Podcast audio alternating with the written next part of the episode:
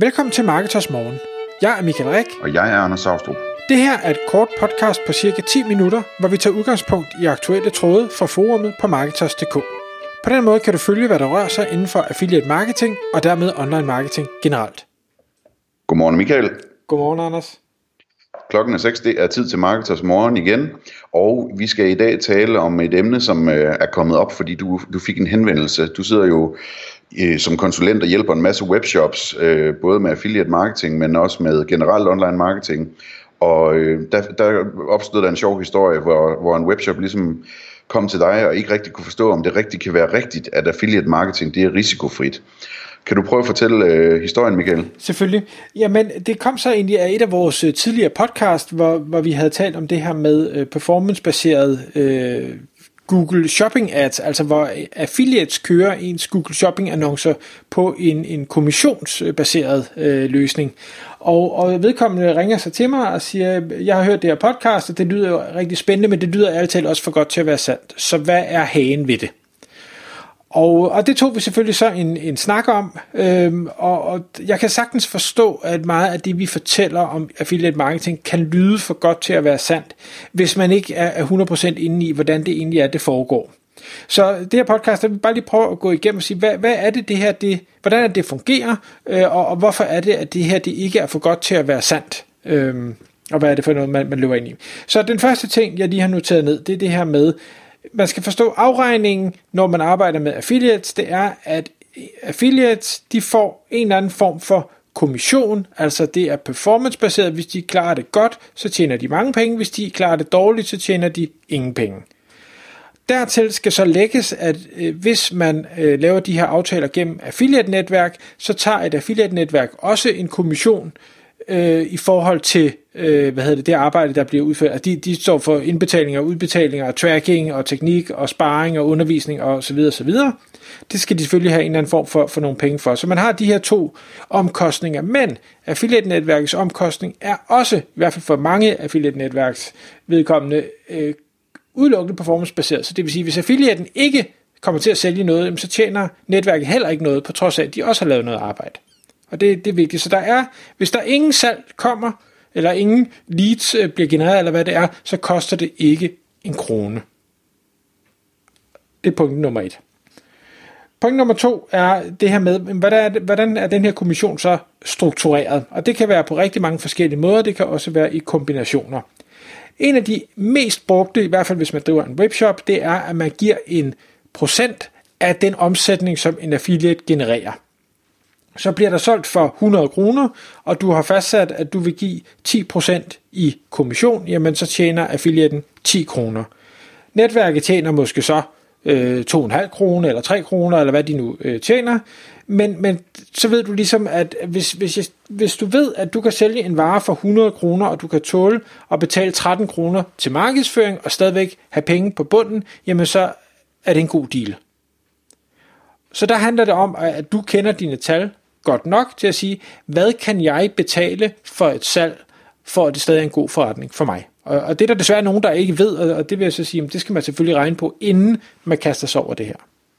Ja, og jeg, jeg vil lige nævne, at vi har været omkring det før, men altså, man skal huske også, når man, når man øh, regner forsigtigt på de her tal, at man får en masse gratis med også, fordi affiliate tracking er altså ikke perfekt, øh, så man får nogle salg, som øh, ikke bliver registreret, for eksempel hvis folk de klikker på affiliate-linket på mobiltelefonen, men faktisk køber på desktop-computeren. Så der, der, der, er, øh, der er ekstra salg med i pakken, øh, desværre vil jeg sige, men, men sådan er det altså.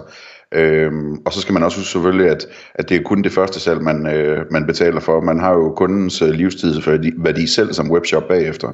Og så får man branding-elementet også, som også har en anden form for værdi. Ja. Den anden måde, man kan afregne på, det er en fast pris. Det kan være, at du siger, jamen uanset øh, hvad, bare det, du skaffer mig en kunde, jamen det vil jeg give 100 øh, kroner for. Øh, det er selvfølgelig en måde at gøre på. Det kan også være, hvis det ikke er en kunde, jamen, så kan det være en henvendelse. Der er mange, der, der gerne, altså hvis man sælger ja, det ved jeg ikke, øh, forsikringer, eller man sælger, øh, hvad hedder det, abonnementer, eller man, man gerne vil, vil hvad hedder det, have opgaver til håndværker eller et eller andet, så kan man sige, jamen så, så betaler vi en pris per henvendelse, fordi vi kan se på vores tal, at hvis vi får 10 henvendelser, så lukker vi de 9. Det tjener vi så og så meget på, så ja, det kan godt være, at den 10. ikke bliver til noget, men vi vil stadig gerne betale for den, fordi vi, vi så samtidig får de 9 andre. Og den sidste måde, det er det her med et løbende feed. Det er generelt, hvis man sælger abonnementsydelser, uanset om det er tele eller fitness, eller øh, hvad så man nu kan abonnere på, alle mulige mærkelige kasser, måltidskasser og ting og sager, jamen så kan man lave en afregningsmodel, sådan så at affiliaten får for hver måned eller for hver gang, at den kunde, de har skaffet, øh, køber noget mere. Og det kan være super attraktivt. I starten er tallene små for affiliaten, men efterhånden som de får skaffet flere og flere kunder, så kan det blive rigtig, rigtig store og spændende tal. Godt. Hvad er det så for nogle typer af øh, marketing, som affiliates kan tage sig af? Og det er rigtig, rigtig bredt, og vi har været igennem det i mange tidligere podcasts, men bare sådan den hurtige, det er, hvis du gerne vil arbejde med influencers, men du tænker, det her har jeg ikke forstand på, eller det har jeg ikke råd til, eller et eller andet, jamen, så kan man lave en affiliate-model med influencers. Der er masser af de her influencer-sammenslutninger, Bloggers Delight, og hvad har vi, øh, som øh, hvad hedder det, gør brug af affiliate marketing til at, at tjene penge for, for eller til de her influencers. Der er content marketers, altså øh, hvad hedder det, marketingpersoner, affiliates, der sidder og skriver indholdsartikler, gode guides, øh, tests, hvad ved jeg, om dine produkter, jamen det kan du også køre via affiliate marketing. Der er prissammenligninger, vi kender alle sammen Price Runner, men der er alle mulige andre prissammenligninger, hvor øh, de via feed sammenligner dine priser med andre, jamen det kan du også, der behøver du ikke betale per klik, der kan du sagtens køre det på en affiliate-baseret øh, løsning. Så er der den her Google Shopping Ads, som vi har talt om øh, kort, jamen du kan også få affiliates til at køre din Google Shopping for dig, øh, og, og så afregne på en performance-baseret ting. Der er retargeting, altså den her med, hvor du forfølger folk, hvis de ikke har, de har været inde på din hjemmeside, set et eller andet, men de har ikke købt, jamen så kan man så forfølge dem med reklamer efterfølgende. Det kan du også gøre via affiliate marketing. E-mail-delen, altså dine nyhedsbrev, kan du også køre via affiliate marketing. Hvis du har en affiliate, der er, er god til at sende det ud, jamen så kan du også øh, aflønne dem på, hvor meget salg bliver der skaffet via de her e-mails. Og så den sidste, Anders, advertorials, som, som jeg jo synes lidt øh, følger, eller falder under content marketers. Hvorfor er det, den er vigtig? Jamen det er det her med, at, at øh, hvis man gør det rigtigt, så kan man også øh, få så at sige gratis advertorials eller, eller native artikler i, i store nyhedsmedier. Øh, og det, det er lidt anderledes, end hvis man er ude på en eller anden blog om den varekategori, man nu har, øh, fordi der følger ligesom noget ekstra branding med, at, at man bliver vist på et stort medie. Øh, og så er der også en sidste ting, som øh, er, er meget vigtig, og det er hele displayannonceringen, altså hvor man kan få vist sine bannerreklamer ud over hele nettet øh, på affiliate-basis, også på store nyhedsmedier. Absolut. Så opsummeringen, eller hvad man skal sige, næsten opsummeringen af det, det er, at hvis man bruger det affiliate marketing på alle de her forskellige typer, eller på nogle af de her typer, det kan man jo selv vælge, så handler det om, at det er risikofrit, fordi det er performancebaseret. Det handler ikke om, at det her det nødvendigvis skal være billigere. Fordi du skal selvfølgelig sørge for at aflønne affiliates så godt som du overhovedet kan, fordi så er de mere interesseret i at blive ved og udvide samarbejdet med dig. Så, så du skal ikke se det her som, at, at øh, når nu kører de her Google Shopping for mig, så, så nu er det billigere for mig. Nej, du skal se det som, det koster det samme, men risikoen er flyttet fra dig over på dem. De tager den fulde risiko, den har du ikke længere.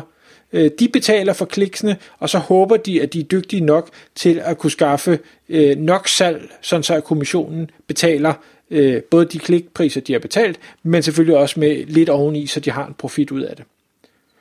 Øhm, og jeg synes, det er det, det, der er det vigtige element at sige. Affiliate marketing, det er et spørgsmål om at flytte risikoen. Du, skal, du behøver ikke gå ud og ansætte en eller anden person, eller hyre et bureau eller et eller andet, og så håbe på, at du har valgt rigtigt, og håbe på, at de er dygtige nok, og håbe på, at det fee, du skal betale til dem, øh, det er, er lavt nok til, at, at det samlet set stadig kan være en god forretning for dig.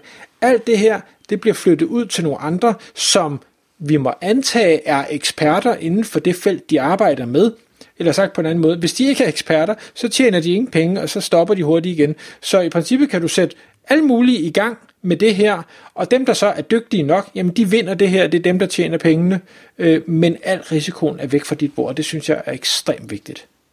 Ja, det er, det er en uh, rigtig interessant pointe. Det er næsten ligesom, hvis, hvis man prøvede fem byråer af på en gang, ikke? Øh, men bare uden at have nogen risiko på, på økonomien. Øhm, det, og, og vi kan jo se det på, på de programmer, vi arbejder med, at altså, det, det går ret hurtigt, og så lige pludselig er der bare nogle eksperter, der, der rammer rigtigt og virkelig får performet godt, øhm, for eksempel på shopping ads. Ja, shopping ads, der har jeg set nogle fantastiske cases, og, og det har jeg faktisk også på influencer-delen. Altså, der er virkelig også blevet rykket nogle salg igennem. Så, så de to har jeg personlige erfaringer med, der virker rigtig godt, og det ved, Anders, du har jo en masse indsigt i, i andre ting, men det kan vi selvfølgelig ikke dele lige præcis, hvad, hvad det er, for det er jo forretningshemmelighed, eller hvad vi skal kalde det. Yes, vi skulle nødig, øh, vi skulle nødig øh, slå nogen ihjel, bare fordi vi har sagt noget i radioen jo. tak fordi du lyttede med. Vi vil elske at få et ærligt review på iTunes, og hvis du skriver dig op til vores nyhedsbrev på marketers.dk-morgen, får du besked om nye udsendelser i din indbakke.